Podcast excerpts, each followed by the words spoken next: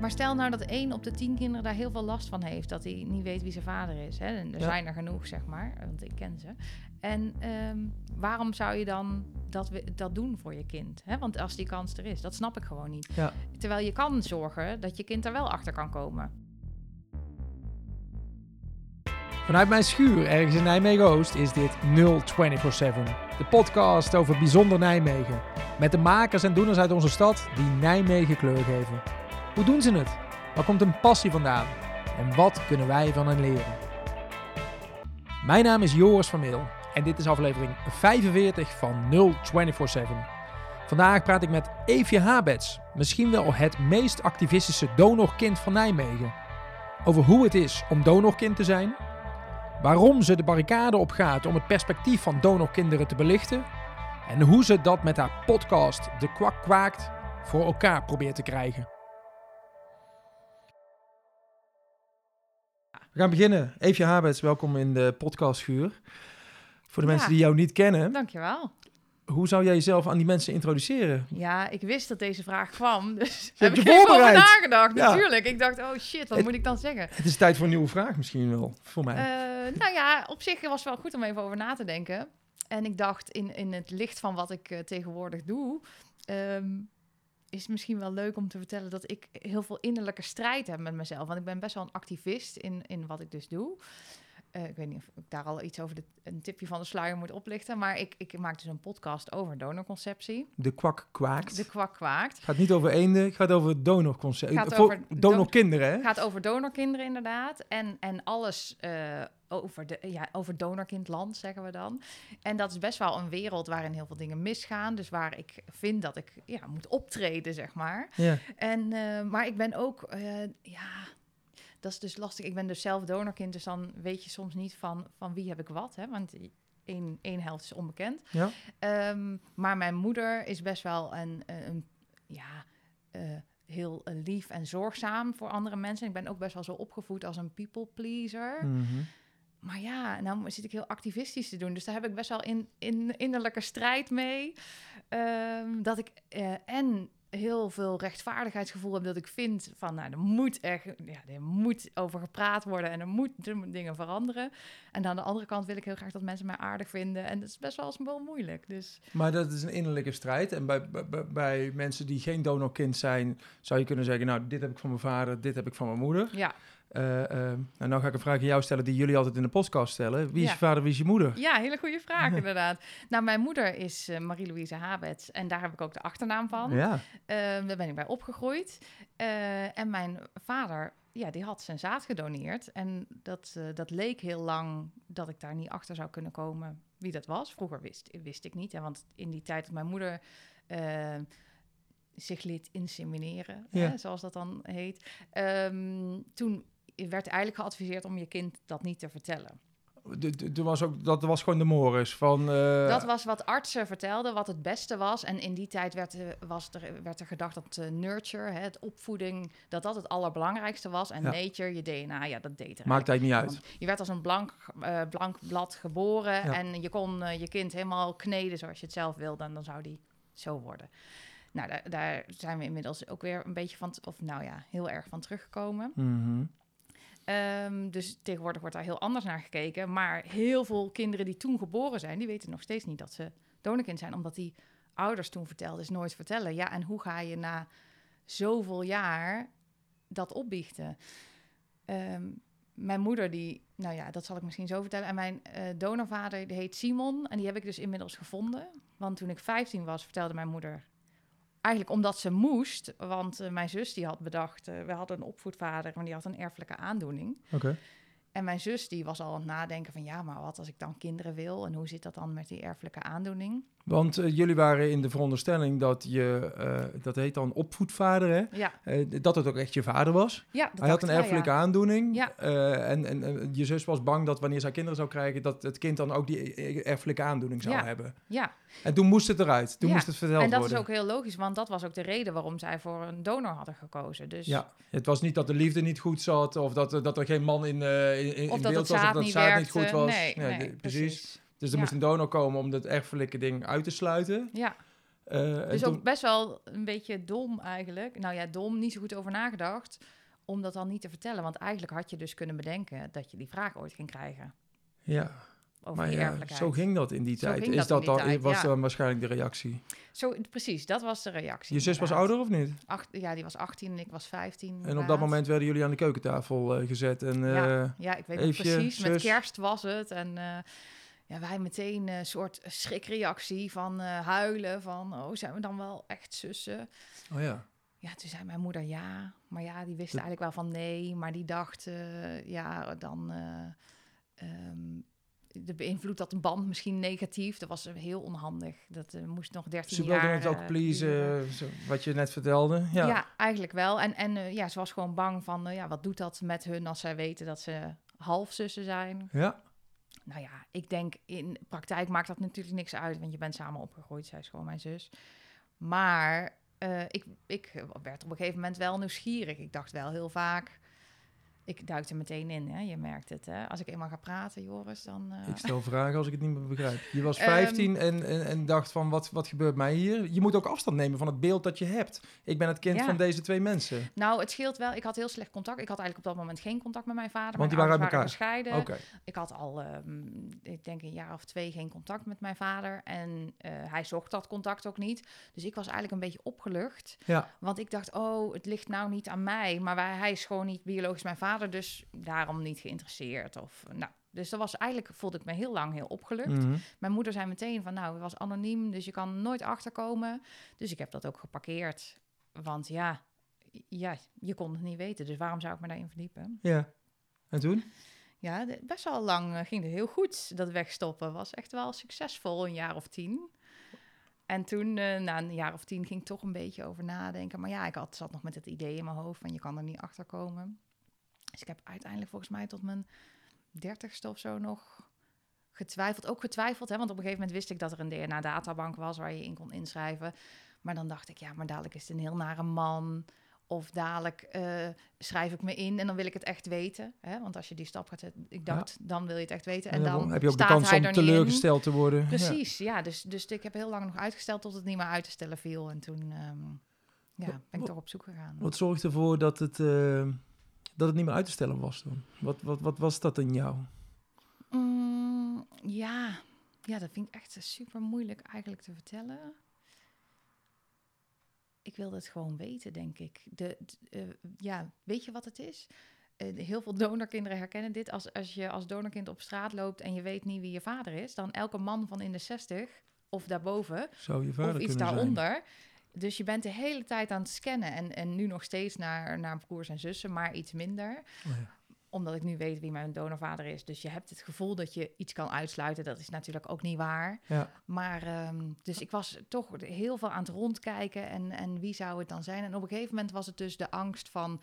eh, dadelijk is het een naar iemand. Was eigenlijk min, overheerste minder dan de onzekerheid daarover. ja, je eh, eigenlijk wel de onrust in ja. je hoofd temmen. Ja, precies. Eh, w- wat doe je dan? Waar begin je dan? Je zegt databanken. Je, de- Ja, vol- volgens mij las ik ergens dat er, dat er in Nederland geen nationale centrale registratie is hè, van donoren of donorkinderen. Nee, ja. Of die was er niet in ieder geval. nee, die, die is er nou nog steeds niet. Want hoe ou- oud ben je? Want het gaat ook om Oh ja, ik ben 38. Je bent Dus ik ben 38 eh, in van- 84 geboren. van voor 2004 Ja. geloof ik. Hè? Want 2004 is geloof ik zo'n datum dat vanaf dat moment zou, is het in Nederland niet meer mogelijk om anoniem te doneren. Ja, klopt. Heel Eh, goed. Goed op de hoogte. Nou ja, het is een volledig nieuwe wereld waar ik in ben gestapt. Want ik ben een kind van twee, nat- twee natuurlijke ouders, wilde ik zeggen. Dat ben jij ook natuurlijk. Maar van twee Nee, nee. ouders die Ja, samen een kind hebben gekregen. Ja. Ja. Maar, eh, en dan? Waar, waar begin je dan?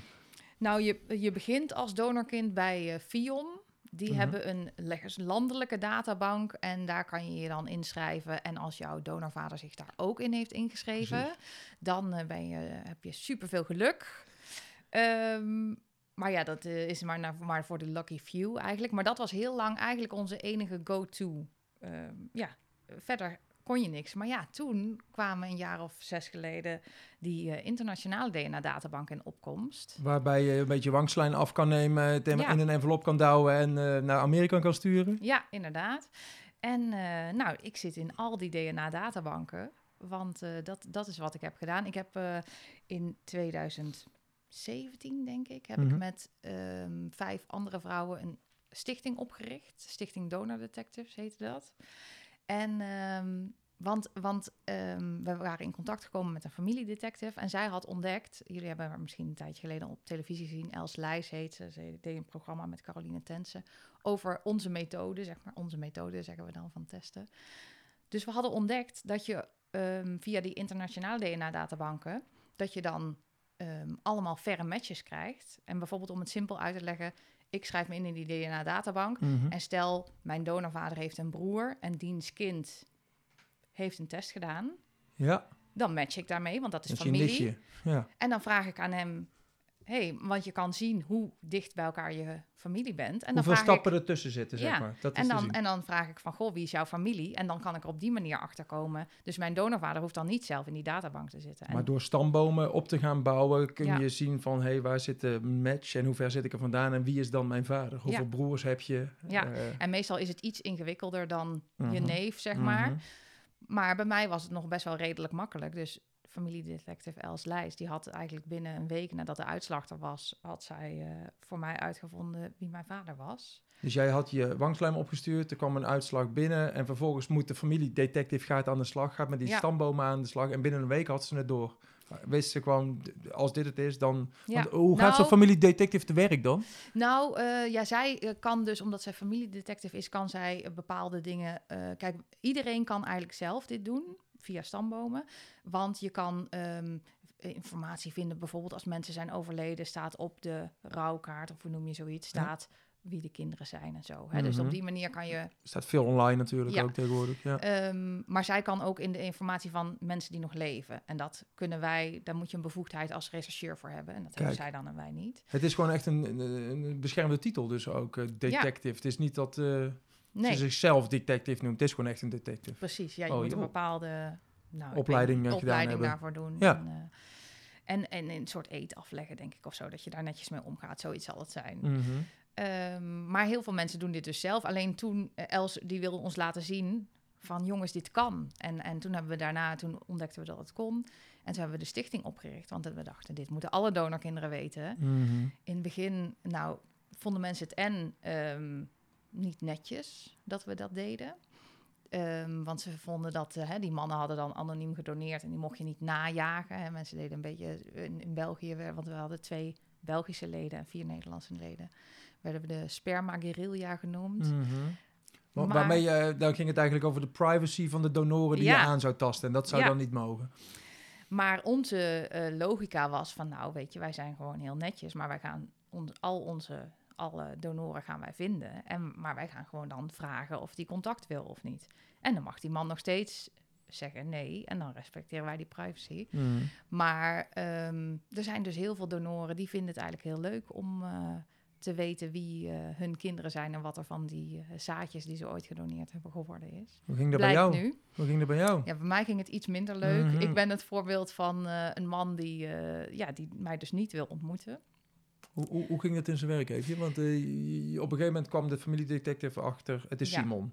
Ja, nou eigenlijk was het zo dat er, eh, ze kwam achter drie zoons. Eh, een stel met drie zoons en één van die drie moest het zijn. Maar als een stel drie kinderen heeft, drie zoons heeft gekregen, dan, daar, dan moet je gaan vragen, zeg Ja, maar. ja, ja, ja. Want je kan niet met die DNA-match dan weten wie van de drie. Mhm. Maar goed, Simon had in Wageningen gestudeerd en ik ben in Wageningen verwekt. En we weten de verhalen van dat doktoren vaak aan studenten vroegen om te doneren. Oh. Ehm, nou, dus mm, ik dacht al wel dat het Simon was. Ehm, en toen heeft Els, en daar heb ik nog wel een beetje spijt van hoe ik dat toen heb aangepakt. Ik wist ook niet zo goed hoe je dat moest doen. Nee. En ik was heel erg aan het denken, hoe kan ik dit zo goed mogelijk voor Simon doen? Dat het voor hem, ja, die man schrikt zich dood natuurlijk. Eh, maar ik wil niet dat hij zich doodschrikt, want ik wil hem nog een keer ontmoeten. Ehm, dus ik dacht, oh, hoe kan ik dit zo goed mogelijk doen, zodat hij nou, niet zo vervelend vindt en mij best een keer wil ontmoeten. Dus toen hadden we Els en ik bedacht dat ehm, zij een brief zou sturen met de vraag of ze mocht komen uitleggen. Ze niet benoemen hè, dat, dat er een vader-dochter match was, of hè, dat we dat wisten, maar dat ze familie had gevonden, dat ze, of ze mocht komen uitleggen hoe dat dan was gegaan. Mhm. Maar dat mocht ze dus niet komen uitleggen. En toen, eh, ja, toen was eigenlijk de reactie van, nou, we weten wel eh, we snappen het al wel, Waar het over gaat. eh, waar dat, het over gaat. hè. Zonder te benoemen dat het een vader-dochterrelatie was, wi- wist hij ook wel dat hij in het verleden ja, sperma had gedoneerd. dus ja. Ja. Dat, eh, en, eh, en daarmee was eh, de kous eigenlijk af. Dus dat was wel heel jammer. En eh, heb ik hem nog wel een keer een mail gestuurd. Want ik had wel contact met familie van hem. Maar ja, ehm, ja als hij niet wil, dan wil hij natuurlijk niet. Maar ik dacht, nou, moet ik misschien nog zelf... Want daar had ik een beetje spijt Snap van. Dat ik. niet Via iemand heb je het gedaan. ja, precies. En dat ik niet zelf... Maar ik dacht, oh ja, dan kan zij het voorzichtig brengen. Maar ik heb Oh. een beetje spijt dat ik niet zelf op papier heb geschreven... van waarom ik het hè, graag wilde. Of, maar ja, nu denk ik ook, had misschien niet geholpen. Want wat ik begrijp is dat zijn vrouw het dus heel lastig vindt. En dat gebeurt heel vaak. Kijk, de vrouw van... eh, met haar deel ik natuurlijk geen DNA, niks. En, en zij is, denk ik, het is mijn invulling... maar een beetje wat ik van de verhalen hoor... is toch bang van wat doet dit met ons gezin? Ze hebben samen drie kinderen. Hm. Ehm, terwijl dat doet natuurlijk niks met hun gezin in, eh, in mijn beleving.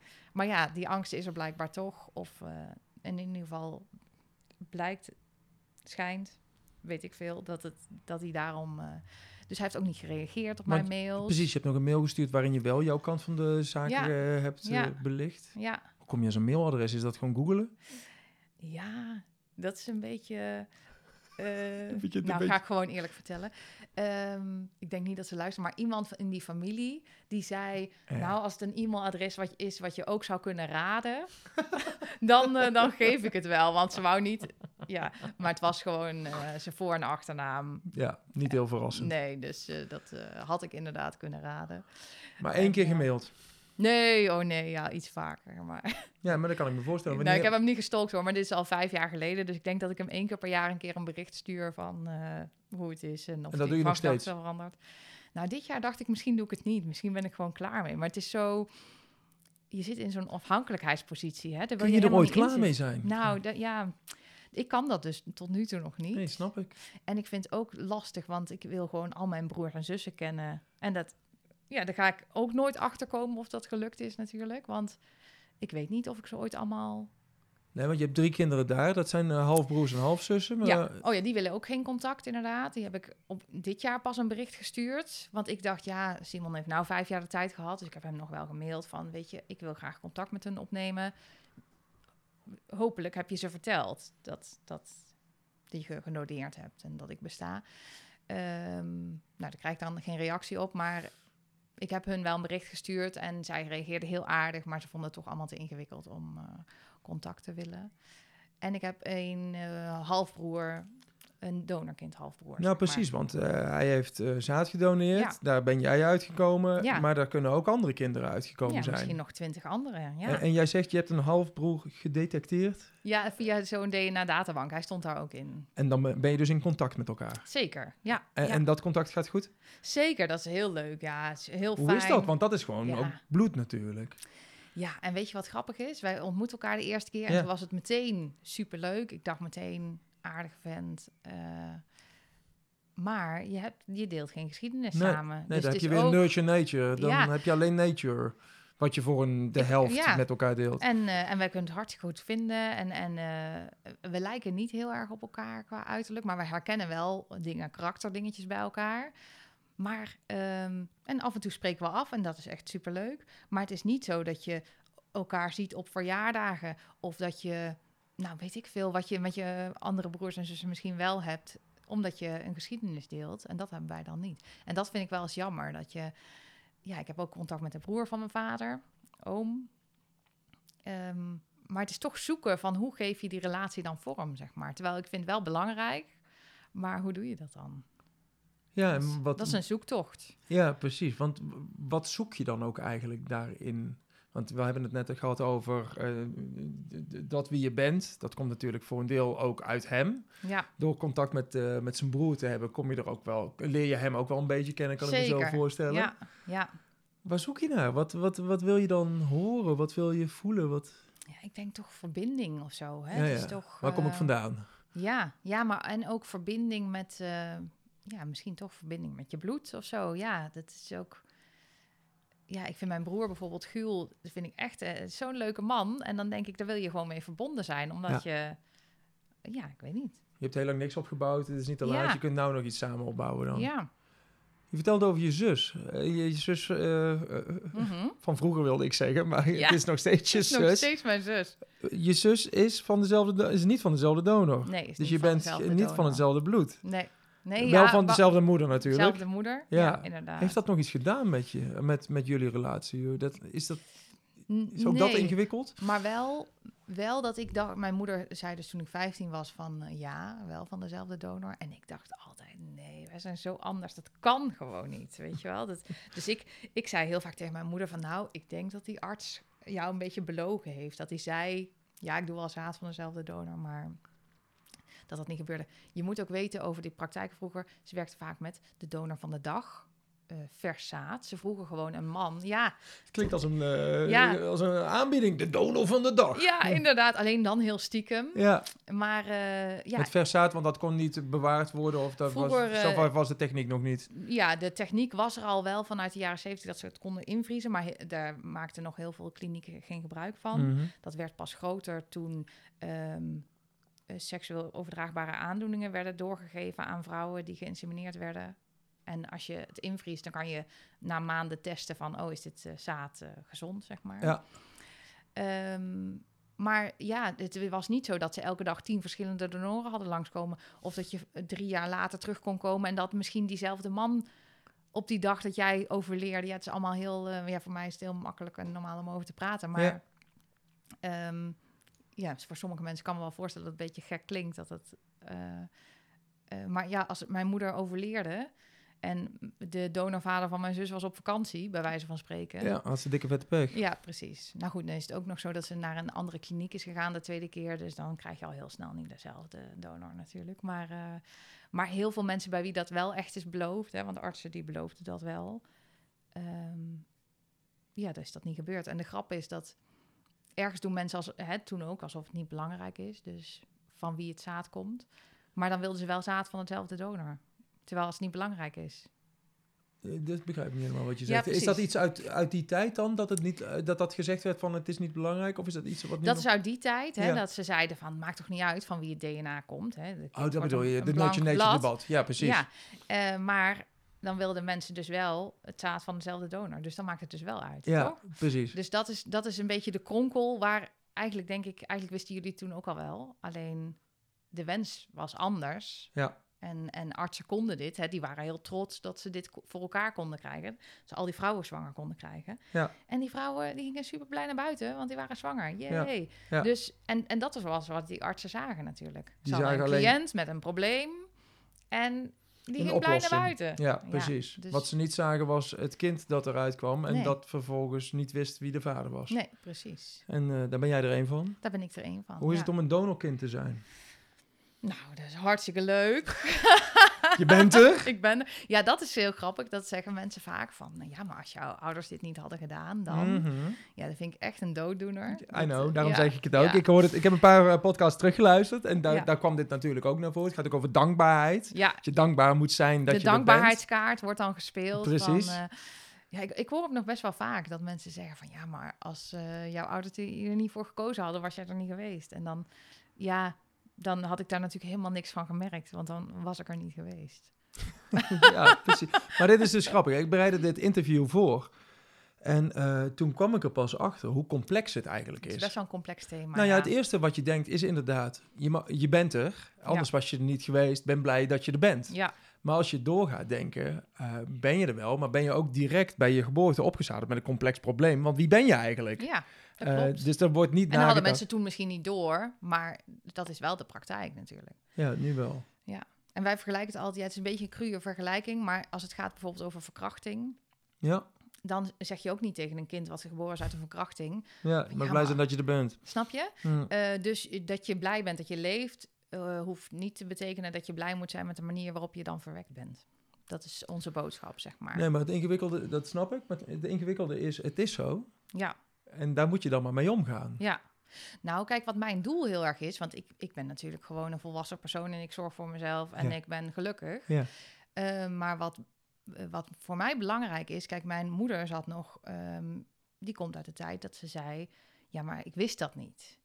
Ja, en dat is mijn doel. Ik wist dat, ik, ik wist wist dat niet dat, dat- ik vanuit een kind eh, ehm, ook had kunnen denken en niet alleen ja, vanuit of mezelf. dat het eh, voor het kind misschien vervelend zou zijn om niet te weten wie eh, zijn biologische vader Mhm, is. Of nou, alles wat er zeg maar, bij het donorkind zijn komt kijken. Want dat was nieuw, was redelijk nieuw. Was redelijk nieuw. Ja. En, en de dokter zei het. Toen was door de dokter stond toch nog meer op een voetstuk. En de Ja. dokter zei dat het goed was. Nou, dan deed je dat.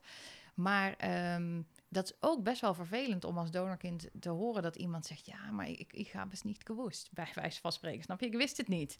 Eh, dan, dan, wie is dan het slachtoffer, zeg maar?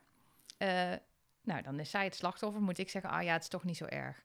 Terwijl ik wil dus voor de toekomstige donorkinderen graag zorgen dat niemand meer kon zeggen: Ik wist het niet.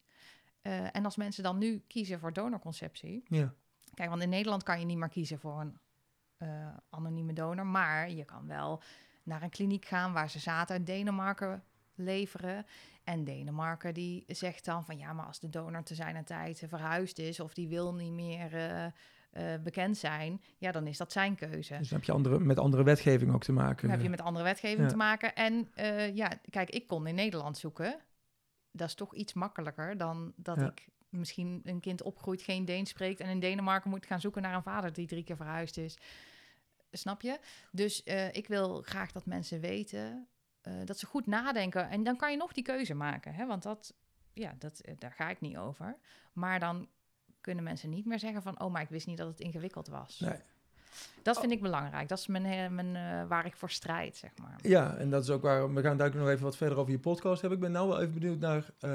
in Nederland kun je dus niet meer anoniem doneren. Nee, dat klopt. Dat betekent dus, stel, ik, ik zou nog vruchtbaar zijn. En ik zou, en ik zou naar de. eh, eh, hoe heet het? De, de, de kliniek gaan Ja. om te doneren. Fertiliteitskliniek. Da- Fertiliteitskliniek, dankjewel. Dan geef ik mijn naam op en mijn Ja. adres.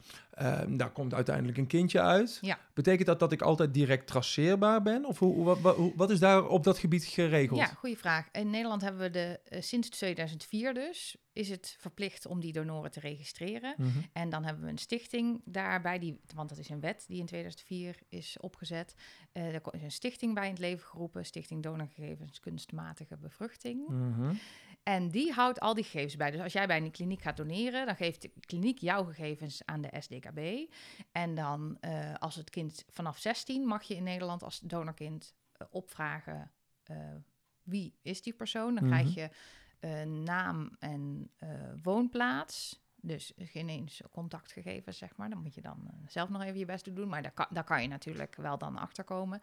Ehm, en dan hebben we nog FIOM, hè, de instantie eh, waar je bij, oh, met vragen over afstammings, afstammingsinformatie terecht kan. Mhm.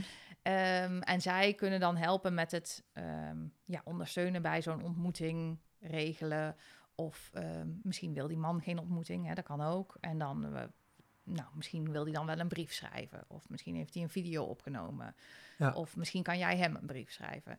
Dus ehm, dan, dan is er wat hulp om dat contact goed te laten verlopen. Want kijk, verwachtingen van mensen, als je samen opgroeit, dan leer je iemand een beetje kennen. Mhm. En dan kan je inschatten van, nou, mijn vader is iemand, ja, dat is niet zo'n prater. En dan moet je een beetje met, weet je wel, zoiets. Dan moet je een beetje met rust laten en een beetje samen gaan klussen. En dan kom je soms tot een gesprek. Maar Als je zo iemand voor de eerste keer ontmoet. Ja, dat weet je dus niet. Eh, dus dan is het heel fijn dat er een hulpverlener van FIOM met allebei praat en een beetje verwachtingen managt. Ah ja. Hè, want ga je kennis maken met degene van wie je DNA draagt? Of heb je het gevoel dat je gaat kennis maken met een vader die daar naar jouw fietsband gaat plakken? Ja, dat is in de meeste gevallen natuurlijk niet zo. Nee. Dus dat is wel goed om daar een beetje ehm, ehm, hulp bij te krijgen. Ja, dus, dus iemand moet zijn naam opgeven, zodat hij te traceren is en weet dat hij dus benaderd kan worden. Los van het feit of hij dat dan eh, twintig jaar later ook daadwerkelijk wil, want Ja. dat kan ook veranderen. Ehm, hoe vaak mag iemand, hoeveel kinderen mag een, een zaaddonor eh, eh, Ja. voortbrengen? Hoe, zijn daar regels voor? Want ik bedoel, er zijn veel verhalen in de hè, documentaire, het zaad van Karbaat heette die volgens mij. Ja, Mm, Artsen die enorm veel kinderen nageslacht ter wereld hebben gebracht met hun Ja. eigen zaad. ja. Eh, eh, hoe- hoeveel mag een normale donor doneren? Zijn er regels voor? Nou, er is dus geen wetgeving voor. Dus, dat, eh, dus de, de Tweede Kamer kijkt as we speak naar eh, het herzien van die wet van 2004. Ehm, en de klinieken hebben nu een soort richtlijn dat ze zeggen, nou, we helpen 12 gezinnen per donor. We Maar, hebben een soort richtlijn. Ja, maar eigenlijk is dat dus niet in, hè, dat is niet... kan ook meerdere klinieken zijn natuurlijk, waar een donor naartoe kan. En dat is dus het probleem. Je hebt bijvoorbeeld een heel bekende donor in Donorkindland, donor Jonathan heet hij. En die heeft bij bijna alle mogelijke klinieken in Nederland gedoneerd. Ja, Daarnaast eh, biedt hij zich aan via Facebook. Vertelt hij mensen dat hij eh, bij maximaal tien gezinnen wil doneren. En, en kijk, Jonathan is dan een bekende naam. Maar er zijn er natuurlijk meer van dit soort mensen. En die klinieken, eh, die communiceren dus niet met elkaar. Dus de bedoeling is nu dat er een landelijk register komt. Maar ja, wij als... eh, ja, toch nog een beetje donor detective zeg dan als, als strijder, zeg maar. Wij zeggen van eigenlijk moet er een internationaal ehm, register komen. Want ehm, zo'n donor, eh, donor uit Denemarken, die kun je dus in Nederland gebruiken bij 12 gezinnen. En dan in België bij een aantal gezinnen en in Duitsland. En dan Amerika heeft geen limiet. Ja, Dus dan heb je als donorkind straks nog 300 of 600 broers en zussen. ja. En dan kunnen mensen zeggen, het is niet zo belangrijk. Maar wel als je verliefd wordt op je halfbroer of je halfzus. Ja. En dat was bijvoorbeeld bij dokter Garbaat een probleem. Want heel veel van zijn donorkinderen, hij, doneerde dus zelf, de dokter. eh, heel veel van die kinderen die zitten, wonen in de regio Rotterdam. ja. Dus de daar kans zat was de groot dat ze elkaar zouden ontmoeten. Ja, die kwamen elkaar wel steken op Tinder. Ja, dat wil je natuurlijk niet. En, Nee. eh, en mensen kunnen wel zeggen, de kans is klein. Maar ja, als je weet dat er een kans is, moet je dat dan doen. Hè? Ja, wat Dus, het eh, nog gigantisch complexer maakt als je dat ook weet van jezelf. Ja, en bijvoorbeeld, kijk, eh, toen ik een relatie kreeg met mijn vriend, wij willen geen eens kinderen met elkaar. Maar ik zei toch van, ik wil wel heel even dat je een DNA-testje doet. Ja. Gewoon voor mijn geruststelling. En ik, nou goed, wij lijken helemaal niet op elkaar. Maar ik wilde toch even zeker weten dat ik dan niet met mijn halfbroer in bed lag natuurlijk. ja, en dan mocht er een kind komen dat het... eh, Ja. ja.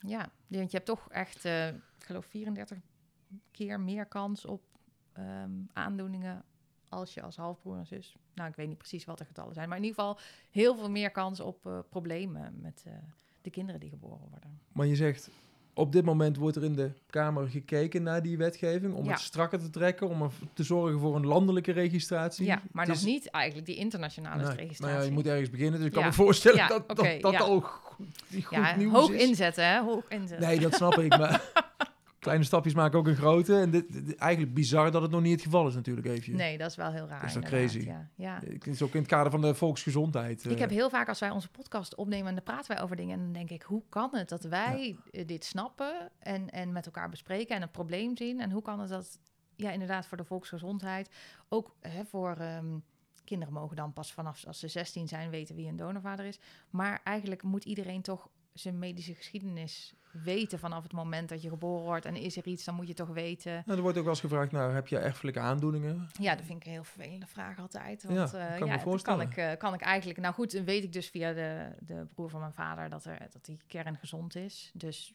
nou, ga ervan uit dat er niks is. Maar heel lang wist ik dat natuurlijk niet. Want ik weet pas sinds een jaar of vijf nu dat, eh, wie, mijn, wie mijn donorvader is. En daarvoor moet je toch altijd zeggen... ja, ik weet de helft van mijn eh, medische achtergrond niet. Ja.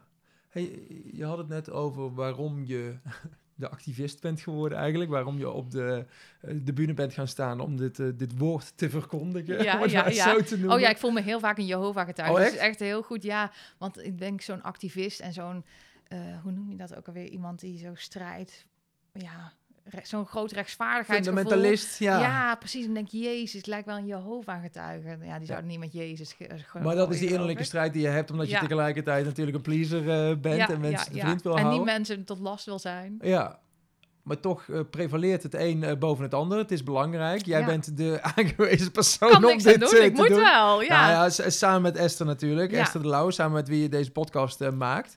De kwak kwaakt, sinds, sinds een dik jaar hè. Nou, jullie hebben een aardige productie.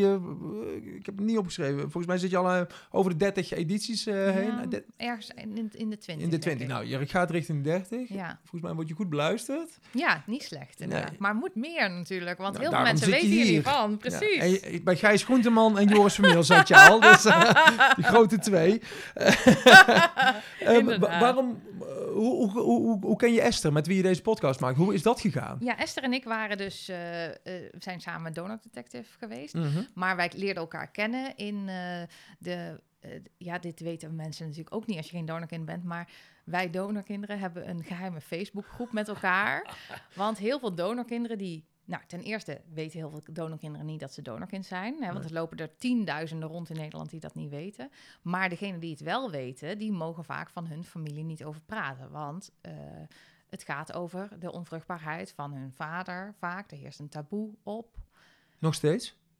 Nog steeds, ja, dat is erg, toch? Eh, eh, ja, Ja, dat vind ik ook heel erg. maar En- ik, ik kan me iets van, voor, van vroeger voorstellen wat je vertelde. De dokter, eh, die, die Ja, wist maar- het allemaal wel. Maar, Maar ja, die, van vroeger, die mannen van vroeger zijn, zijn de, de vaders, hè, die zijn nu 60, eh 50, 60, 70. Met kinderen van 30 die altijd te horen hebben gekregen. Ja, en, en Of die het dus nog nooit te horen hebben gekregen. Of te Ja, horen hebben gekregen dat ze het niet mochten vertellen. nou, die kind, mensen die in de groep zitten, die weten dat ze donorkind zijn. Precies.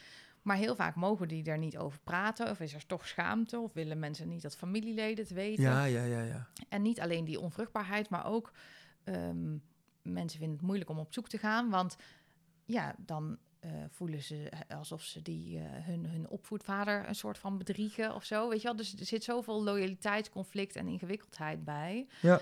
Dat mensen dat soort dingen.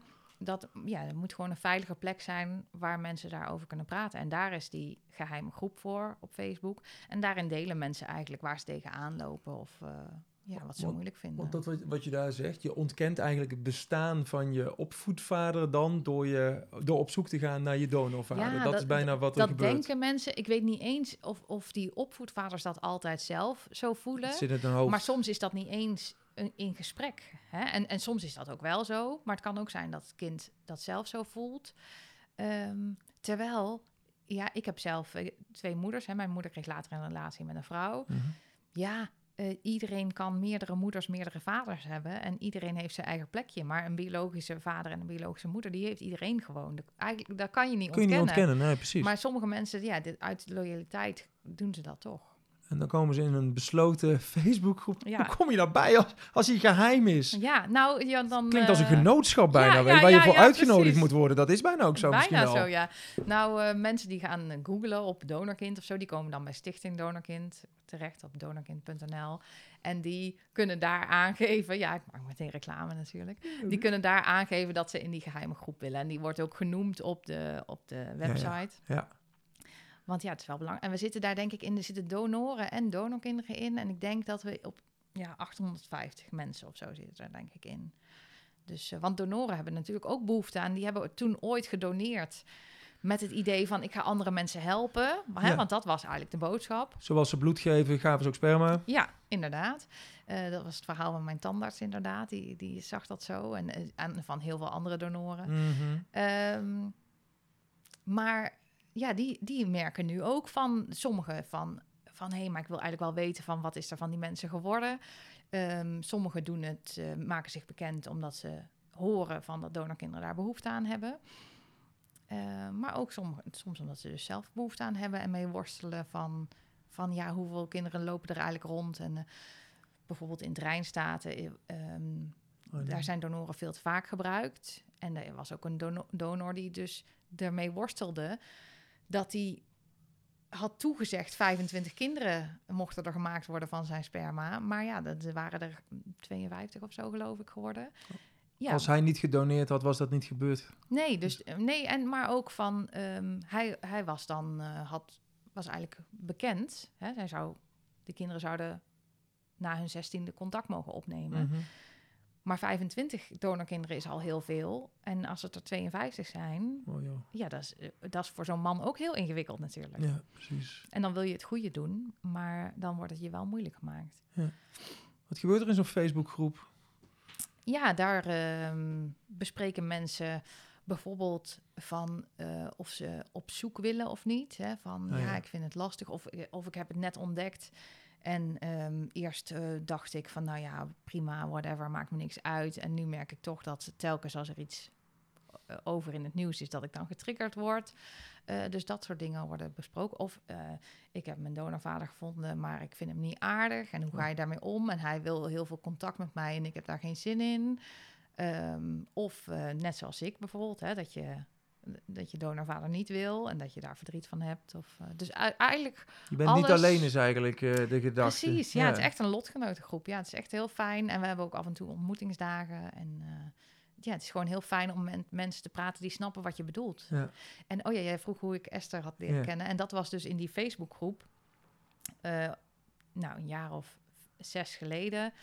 ehm, ja, waren er een aantal mensen die wat, eh, wat stelliger en wat activistischer en wat pittiger waren. En er waren heel veel mensen die zoiets hadden. Ja, we moeten niet de donoren afschrikken en allemaal enge dingen doen. Ehm, Want stelliger in het, we, we, we hebben het recht om te weten wie onze vader is. Dat bijvoorbeeld. En ook stelliger in ehm, zeggen van... hé, hey, de manier waarop eh, de kinderen toen verwekt zijn... dat moet je eigenlijk zo niet doen. Terwijl het gebeurt nu nog heel veel. Hè? Want je kan als... Ja, je kan ook naar België gaan. Daar is alles nog anoniem. Je kan naar Portugal, naar Spanje, naar weet ik veel waar je... Hè, dus dus er is, in Nederland is er een wet gekomen. Maar heel veel mensen hebben blijkbaar het idee dat die wet een soort van... Ja, dat die... Ja, die wet is er niet voor niks. Die is er omdat kinderen rechten hebben.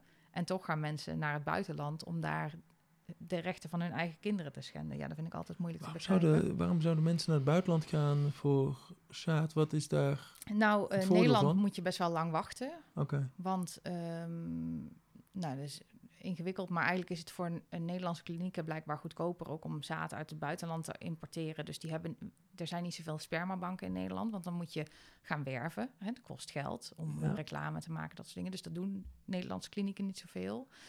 Ehm, als jij een anonieme donor wil in België, is dat nog de norm, zeg maar. Eh eiceldonatie mag in Nederland niet. Eh, of in ieder geval niet, ehm, eh, hoe noem je dat, commercieel. Mag wel als ik aan mijn zus een eicel ja. wil doneren, dan mag dat wel. Maar niet als ik mijn eitjes verkoop. Dus de, de drempel om in Nederland eh, een donatie te krijgen, zeg maar, of weet Ja. het, een, eh, is, is veel hoger, is ja. veel hoger dan in het, eh, in het buitenland. En dat is een reden voor mensen om naar het buitenland te gaan. Waarmee je eigenlijk laat zien dat, dat je niet goed hebt nagedacht over wat het voor het kind betekent. Dat was eigenlijk de, de stelling die in de Facebookgroep eh, op geld deed, of niet? Ehm, wat bedoel je precies? Dat, ehm, Eh, de- de, ehm, nou, we hebben het erover. Eh, jij wil opstaan voor het recht van het kind. ja, En eigenlijk eh, door als, als Nederlandse ouders, of tenminste ouders in wording, hun zaad in het buitenland gaan halen, Ja. dan laten ze daarmee eigenlijk zien dat ze niet over de hoge drempel heen willen, maar naar de lagere nou, en, de- en dat je het gewoon voor jouw kind moeilijk maakt om zijn recht eh toe te, op te halen. Dus je Ja. denkt te- veel, je denkt veel uit jeze- vanuit Ja. jezelf en niet zozeer vanuit het kind. Ja, ja, terwijl als dat kind er eenmaal is, dan natuurlijk alles voor dat kind. Ja, Want hij zou ja. zijn hoofd te stoten ergens tegenaan. Eh, ja. Dat mag, mag natuurlijk niet gebeuren. Nee. Maar dit grote verdriet, hè, want het is toch... En, en dat is niet voor alle donorkinderen zo, maar dat, dat vind ik ook altijd moeilijk te begrijpen. Want ehm, ja, nou, nou hoef ik niet een vergelijking te maken. Maar kijk, stel één op de tien donorkinderen heeft daar last van... Ik zeg maar iets, hè. Ik weet, want we weten het niet, want er is geen onderzoek naar gedaan. Nee. Want je kan geen onderzoek doen naar mensen die weten van wie dat niet weet wie het Nee. zijn. Ja. Ehm, maar stel nou dat één op de tien kinderen daar heel veel last van heeft. Dat hij niet weet wie zijn vader is. Hè? En er Ja. zijn er genoeg, zeg maar. Want ik ken ze. En ehm, waarom zou je dan dat, we, dat doen voor je kind? Hè? Want als die kans er is, dat snap ik gewoon niet. Ja. Terwijl je kan zorgen dat je kind er wel achter kan komen. Ja. Ehm, Waarmee je hem heel veel leed bespaart, mogelijk Precies. leed bespaart. Ja, Ja. precies. Dus, eh, dus da- daar hoop ik mensen heel erg bewust van te maken van... hé, hey, die keuze is er en maak die overweging. Ehm, en niet dat ik zeg dat het allemaal makkelijk is... want als je heel graag kinderen wil en het gaat niet vanzelf... ja, dat is natuurlijk heel pijnlijk. Maar iets wat voor jouzelf heel pijnlijk is... moet je je afvragen... moet ik dan iemand anders met iets pijnlijks opzadelen... of moet ik zelf hiermee dealen... En, en kijken hoe kan ik zo goed mogelijk voor mijn toekomstige kind zorgen. Ja, En ja, Precies, want als je, als je eh, hier zou een stel zitten die eh, moeite hebben met eh, kinderen krijgen, en dat komt omdat het zaad van de man niet voldoet, ja, die overwegen donatie of een, een donor te zoeken. ja. Wat zou je tegen die mensen willen zeggen? Ja, ik, ik, ik ben heel erg voorstander van dat mensen gewoon in hun eigen omgeving gaan kijken. Omdat ik geloof dat, dat het voor kinderen het allerbeste is om op te groeien ehm, met de wetenschap wie je, wie je vader is. Ja. En, en, en als die vader dan, nou, die, hè, er zijn zoveel kinderen die niet met hun vader in hun huis opgroeien. Maar dat je wel mag weten wie het is. Dat je contact met diegene mag Ja. hebben. En dan kan je nog steeds een andere vader hebben. Of twee moeders of twee vaders. Of... Maar ik denk dat het gewoon heel belangrijk is voor je ontwikkeling. eh, om te weten van, eh, van wie je afstamt. En eh, Ja. waar jij je, je gekke eh, trekjes van hebt. Of, eh, of je Ja. rode krullen of wat dan ook. Wist je maar. dat ik hier helemaal over deze optie helemaal niet had nagedacht? Nee? De- Dan denk je dus gelijk aan een spermabank, terwijl Oh, het ja. gewoon ook in je omgeving kan Ja. zijn. Ja, en dan moet je wel iemand vinden, kunnen vinden die dat wil. Dus het is, ook, het is niet allemaal dat het over rozen gaat of zo. Maar, nee, maar het is wel weer grappig. En ook weer een lesbisch stel die dan weer met een homostel samen een kind hebben. fantastisch. Dat is toch prachtig? Maar dat vind ik dan ook logisch. Maar de- dat dit niet in mij op was gekomen, dat zegt dan toch ook wel iets, vind ik. Ja, maar ik denk omdat eh, er is een hele grote industrie en daar gaat heel veel geld in om. Ja, ja. Want eigenlijk is het ook een soort baby-industrie, zeg maar. Eh, mensen willen dat zo graag. Hè, dat verlangen naar dat kind is zo groot. En die fertiliteitsindustrie, die maakt daar gewoon ook misbruik van. Eh, want die donoren, dat zijn niet degenen die hier rijk van worden. Die krijgen een onkostenvergoeding, zag ik ergens op een Ja, site staan. Ja, ja. precies. En, eh, en nou is het in het buitenland is eiceldonatie redelijk lucratief en, en eh, draagmoederschap ook. Maar goed, dan nog, ehm, je ondergaat ook heftige behandelingen. Mhm. Maar, maar waarom zijn er zoveel fertiliteitsklinieken? Omdat daar gewoon heel veel geld in te verdienen Wat, valt. wat, in wat deze kost dat? Tienduizenden euro's. Dat zijn 10.000 euro kwijt. Ja, ja. Nou, of meer, ja. Nee, ja, precies. Ligt er ook weer aan hoe snel je zwanger raakt. En eh, bijvoorbeeld in, in... Ja, misschien moet ik het helemaal niet vertellen, want er prijzen dingen aan. Maar in ieder geval kan je in, in Denemarken heb je zo'n eh eh, krios. En dan kan je, hoe meer je van de donor wil weten, hoe duurder je bestelling wordt, zeg Ja, maar. we hebben net een heel verhaal gehad waarom mensen niet naar Denemarken moeten. Dus het, lijkt me heel Maar duidelijk ja, dat... heel veel mensen doen dit dus wel. Hè? Dus dat is wel... eh, ehm, ja, ik vind, ik vind dat gewoon zelf heel bijzonder. Ja. Eh, En ik ben blij dat ik niet eh, eh, zelf in Denemarken op zoek hoefde.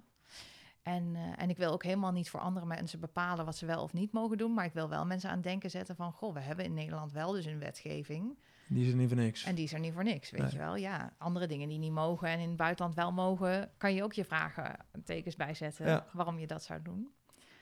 We waren bij de Facebookgroep, bij de activistische vrouwen. Oh Ja. En eh, jij en Oh ja. Esther ontmoeten elkaar. eh, met nog wat Met andere nog een paar andere inderdaad. activistische vrouwen. Ja, Eh, en dan? Dan maak je een subgroepje? Of, en ja dan... er was wel Amy, die was daar wel de drijvende kracht achter. Die had echt zoiets van, ja, maar dit moet anders. Want, want eigenlijk was het zo in die Facebookgroep, vonden ze ons ook een beetje lastig. Ja, dat is het. En, en, Het andere geluid. Ja, het andere geluid. En, en dat wij vonden dat je dus actief op zoek mocht naar die donoren. En dat was echt nog helemaal not done. En ook toen in die tijd kwamen we best wel veel in de media met de donor detectives. En ehm, nou, als je zag hoe er op ons gereageerd werd en hoe dat nu, eh, vijf jaar later is, een wereld van verschil. Toen vonden mensen echt dat wat wij, deed, wat wij deden kon echt niet. En nu krijg je steeds me- meer de reactie van, eh, oh ja, maar kinderen hebben ook het recht om te weten van wie ze afstammen. Dat is in korte tijd zo erg veranderd. Hoe kan dat? Ja, ik bedoel, los van jullie activiteiten, is, is er een andere tendens geweest die daarvoor heeft gezorgd? Nou, ik denk eh, dat de, de, de timing goed is, maar ik denk wel door, door, door veel in de media te komen, dat dat wel een grote bijdrage geleverd heeft. En dat doet Stichting Donorkind veel in. Eh, wij met de Donor Detectives hebben daar veel in gedaan.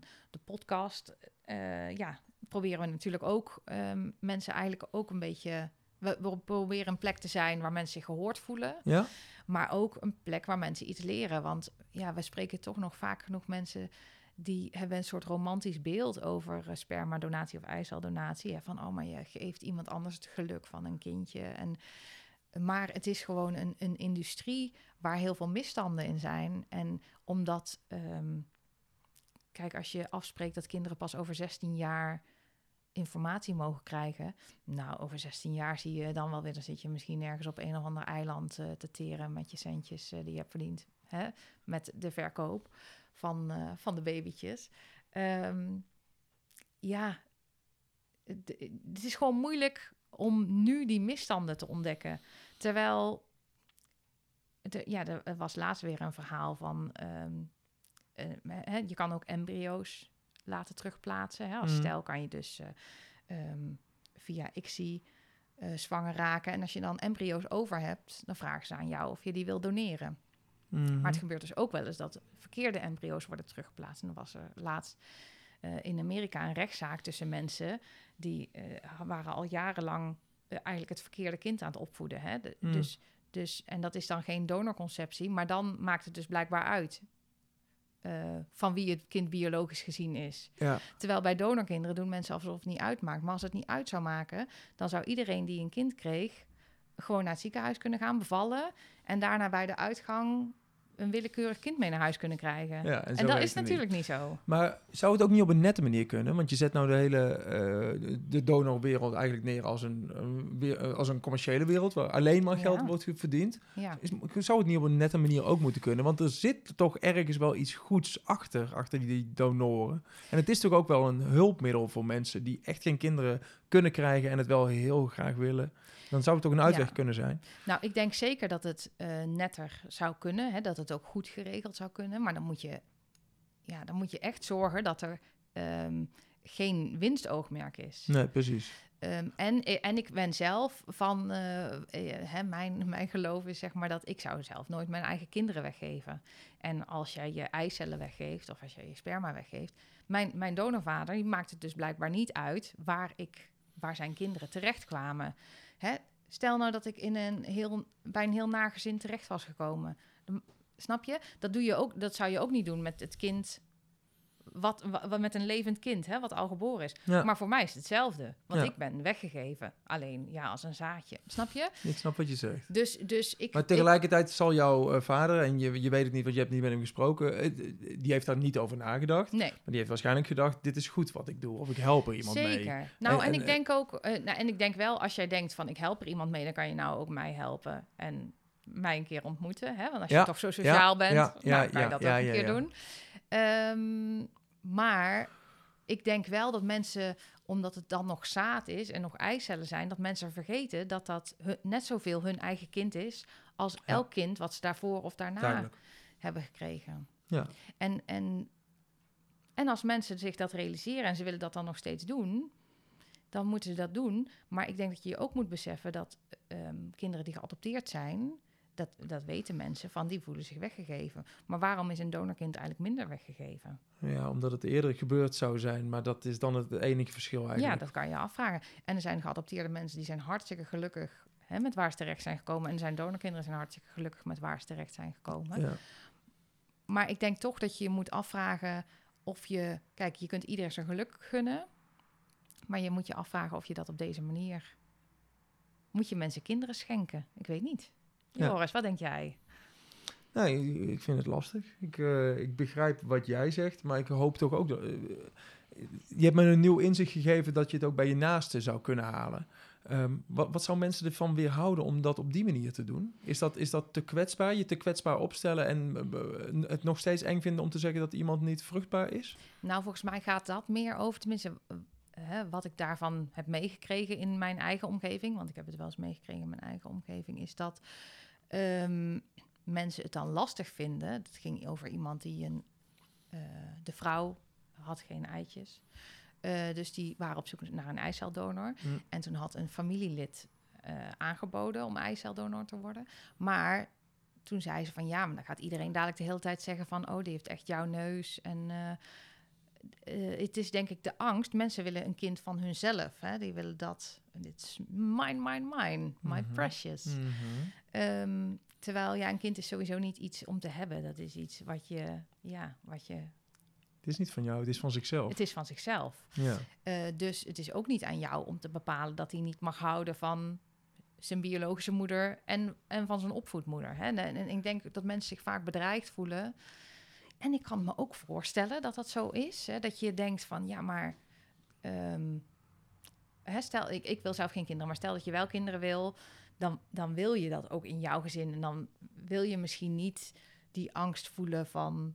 Hè, dat jouw kind ehm, meer houdt van een ander. Ja, ik denk sowieso dat er in zo'n hart, in mensenhart is ruimte genoeg, toch? Precies. Maar, maar ik kan me de angst wel voorstellen. Ja. Maar ik denk wel dat, dat het niet realistisch is en dat het. Ehm, ja, dat je, dat je je bewust kan zijn van, oh ja, ik voel die angst, maar eh, het is geen realiteit. Nee, er zitten heel veel aannames in. eh, Ja. je, het zit in je hoofd dan. En, en ik denk als mensen ook hè, hun kinderen gewoon zouden gunnen om van heel veel mensen te houden. En niet alleen maar van hun twee ouders het meest. Dan ehm, zouden heel veel problemen opgelost zijn, denk ik. Ja, dat is een mooie boodschap. Maar ja, het is wel best wel moeilijk. Dus Ja. ik, snap wel, ik snap wel dat wat ik zeg, eh, dat, dat, niet, ehm, dat het niet alleen maar makkelijk is.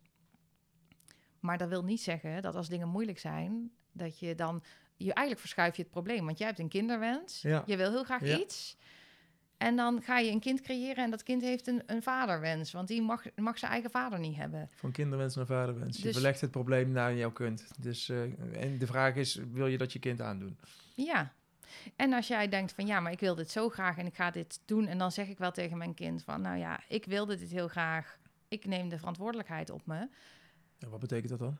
Nou, dat betekent dat, Dat je ervoor kind zorgt jou dat... het- kwalijk mag nemen. Ja, ja. Oké, maar dan, dan, Ja, heeft het maar nog, dan- heeft het nog geen, dan weet het nog niet wat zijn biologische vader is. Daar moet je dan je verantwoordelijkheid nemen. Is dan ervoor zorgen dat hij zijn biologische vader... Ook, ook maar ook, kennen. ook de verantwoordelijkheid nemen voor die beslissing, denk ik. Ja. En zeggen van ja, misschien ben jij hier niet blij mee, maar ja. ik wilde dit toch heel graag. Dus ik heb dit voor jou bepaald. En misschien vindt jouw kind het niet erg, dat kan ook. Ja. Maar dat is wel een risico wat je dan neemt. Want ik krijg wel eens naar mijn hoofd geslingerd van... eh, ja, maar sommige donorkinderen vinden het helemaal niet erg. Dat vind ik een beetje een kutopmerking. Maar ehm, dan denk ik, ja, maar de andere kant is... sommige donorkinderen vinden het dus wel erg. Dus Ja. daar moet je ook over nadenken. Precies. Ja. Die nou, wat je ook. sowieso met me doet, is eh, dat ik er bewust over nadenk nu. En eh, eh, dat heb ik dus nog nooit gedaan. Dus dat is al wel pure winst. Ja, mooi Ja. hè? Dat vind ik al heel fijn. Nou ja, Fijn om te horen. alsjeblieft. Ja, het is een heel ingewikkeld verhaal. Hè? Sorry, ik zit jou hier helemaal lastig te vallen natuurlijk met... eh, Nee, je verrijkt mijn leven door me Oh. hierover na te laten denken. Oh, waarom, goed. waarom moest er een podcast komen? Wa- wa- wa- Wanneer ontsproot zich dat idee? Dat is geen goed Nederlands, maar je begrijpt wat ik bedoel. Ik snap precies wat jij bedoelt. Nou, dat eh, vond ik eigenlijk al best wel een tijd wilde ik dat. Ik ben sowieso best wel podcast-fan, dus ik luister graag. Ehm, maar er was ook nog helemaal geen podcast voor en over donorkinderen in Nederland dan. Hè? Dus Oh, in het buitenland wel, ja? ja, in het buitenland wel. Cool. En jij dacht, dit moet er komen. En, maar ook nog niet zoveel hoor. Er waren nog niet zoveel podcasts, ook niet in het buitenland. En, eh, maar ik heb een tijdje getwijfeld, omdat ik dacht, als ik dit ga doen, dan vind ik ook, dan moet het helemaal open en eerlijk. En dat is soms best wel lastig, want als ik iets zeg over wat ik lastig vind, dan zeg ik soms ook iets over mijn moeder en zeg Ja, ik ook iets over mijn zus en zeg ik ook iets over mee. mijn donorvader. Mhm. Dus eigenlijk zit ik allemaal mensen Te ja, te outen Ja. die daar ook niet om gevraagd hebben. Dus dat is soms het lastige. Aan de andere kant ehm, denk ik, nou, ik kan dit doen. En, en eh, ik merk dat eh, heel veel donorkinderen hier heel veel steun aan hebben, die dus niet vrij uit mogen spreken. En dan denk ik, ja, daar doe ik het dan voor. Want je startte ermee en het eh, werd in donorwereldland werd het eh, bekend dat je dit aan het doen was. Wat voor reacties krijg je dan van mensen? Nou, ehm, dat mensen ehm, wat, ze- wat, ze, wa- wat ze voelden, maar waar ze nog geen woorden voor hadden, Ja, ja. dat, dat ze dat bij ons horen, zeg maar. Of dat, dat wat ze voelen, maar waar, wat er niet mag zijn hè, bij hun familie. Want mensen willen heel vaak niet... eh opvoedouders willen heel vaak dit niet horen, want dat kwetst hun eigenlijk. ja. Want zij willen hun kind niet verdrietig zien. Ehm, dus die kinderen houden houden dat in. ja. Die kinderen, niet, eh, ik zeg kinderen zijn bijna allemaal volwassen mensen. Ja, Hè? ja, Want zo is het ook. Maar nog steeds willen ze hun ouders niet eh, verdrietig zien. Precies, dat, die loyaliteit die gaat gewoon een leven lang mee. En dat merk ik gewoon. En, dat, eh, en, en dat we mensen dus inzichten geven die, die hier, ja, net zoals wat jij eigenlijk zegt, die niet in deze wereld zitten. Of, of die wel in deze wereld zitten, maar naïef, zeg maar. Ehm, dat, ze, dat ze leren wat alle aspecten zijn. En Ja, niet alleen maar het sprookje. Ja.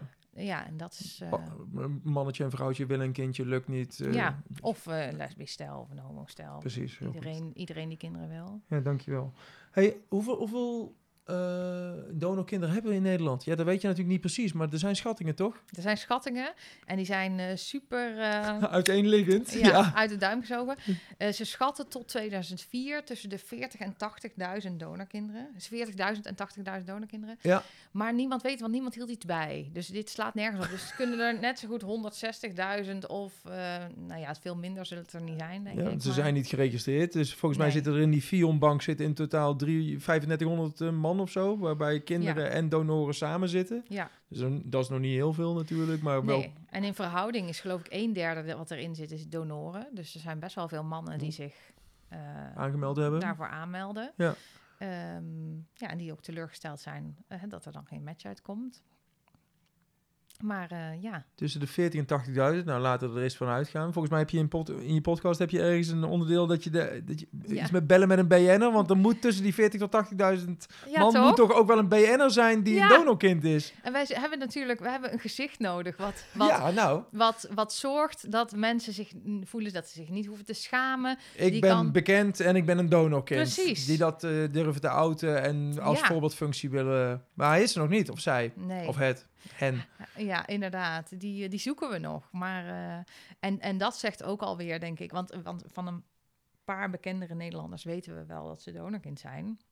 Maar die willen dat dus niet doen. Ja, ja. Dus wat zegt dat? Dat zegt dat mensen nog in de kast zitten. Dat of- er dus nog steeds een taboe op zit. Nou, en dat vind ik heel jammer. Want dat betekent dus ook nog dat heel veel ehm, ouders, want dat is ook een heel belangrijk doel van ons, dat heel veel ouders hun kinderen nog steeds niet verteld hebben dat ze donorkind zijn. Want Ja. het schijnt dat, nou, naar schatting, 1 op de 10 weet dat hij donorkind is. Dat zijn dus, nou, laten we eens gaan uitgaan van die 80.000. Ja, is ook weer dikke duimwerk natuurlijk. Maar laten we eens voor... Ja, dat betekent dat er, er zijn in ieder geval heel veel kinderen die nog niet weten dat ze, mensen. dat ze donorkind Ja. zijn. En wat het lastige is nu met, die, eh, met die, al die DNA-testen, Ja. Of dat is natuurlijk en super fijn, maar heel veel mensen komen er nu dus achter, en dat wordt ook veel gedeeld in de groep, ehm, door zo'n test, door doen ze een test voor de lol. Om erachter te komen hoeveel procent ze indiaan zijn of ja, weet ik veel wat. inderdaad, Hè? Neandertaler en Ja. zo wil je natuurlijk allemaal weten. En opeens kom je Want erachter... zo had mijn, eh, mijn broer, die wist wel dat hij donorkind was, mijn halfbroer. Ja. Maar die dacht gewoon ook, doe zo'n testje. Want dan weet je, want hij hoopte dat hij Italiaans bloed zou hebben. en eh, dat bleek helemaal niet Dat zo te wel, zijn. Dikke Want hij hield erg van Italiaans koken, geloof ik. Ja, dat was dat verhaal. En op vakantie daar en zo. En, eh, en toen had hij ineens een halfzus. Weet je wel, had hij niet bedacht dat dat eruit kwam. Dus Even terug, dan, dan doe je zo'n testje. Dan krijg je dus eh, terug dat je zoveel procent Neandertaler of zoveel procent eh, Indiaan bent. ja, Maar dan krijg je ook terug, je Ja. bent verwant met deze en deze, deze personen. Zit dat ook in hetzelfde ja. Zo- pakketje? meestal zo'n, ligt er een beetje aan, maar meestal zo'n 2000 matches heeft iedereen wel. Ehm, en dat is Wat echt... voor matches zijn dat dan? Ja, dat zijn matches. eh, Je, de, de meetmaat, zeg maar, is centimorgan. En hoe meer centimorgan, hoe dichterbij. Dus met, je, met eh, mijn halfzus deel ik 1800 centimorgan. Maar de meeste matches heb je met eh 30 centimorgan. Dus dat zijn mensen van, die, waar je acht generatie terug een, een voorouder mee deelt. Oh, dat zijn dus je weet echt niet wie dat zijn. Nee, precies.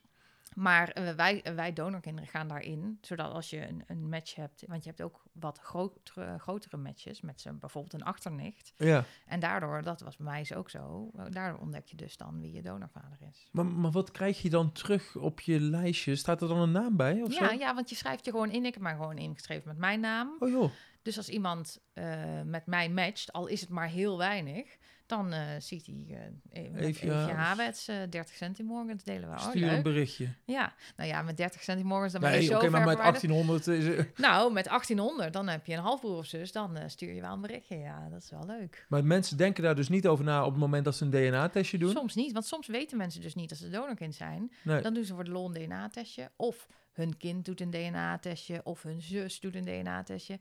Ehm, en en eh, die mensen schrikken zich helemaal kapot. Nou, Het is veel fijner om van je ouders te horen. Dan is het ook een schok, hè? Als je 30 bent en je hoort, of 40 en je hoort dat je dan is tenminste bent. eerlijk. Maar dan is het wel fijn dat iemand eh, jou vertelt en, en jou kan uitleggen hoe het zit. En dat jij niet een verhaal hoeft gaan halen, te gaan halen nadat jij een DNA-test hebt gedaan. Ja.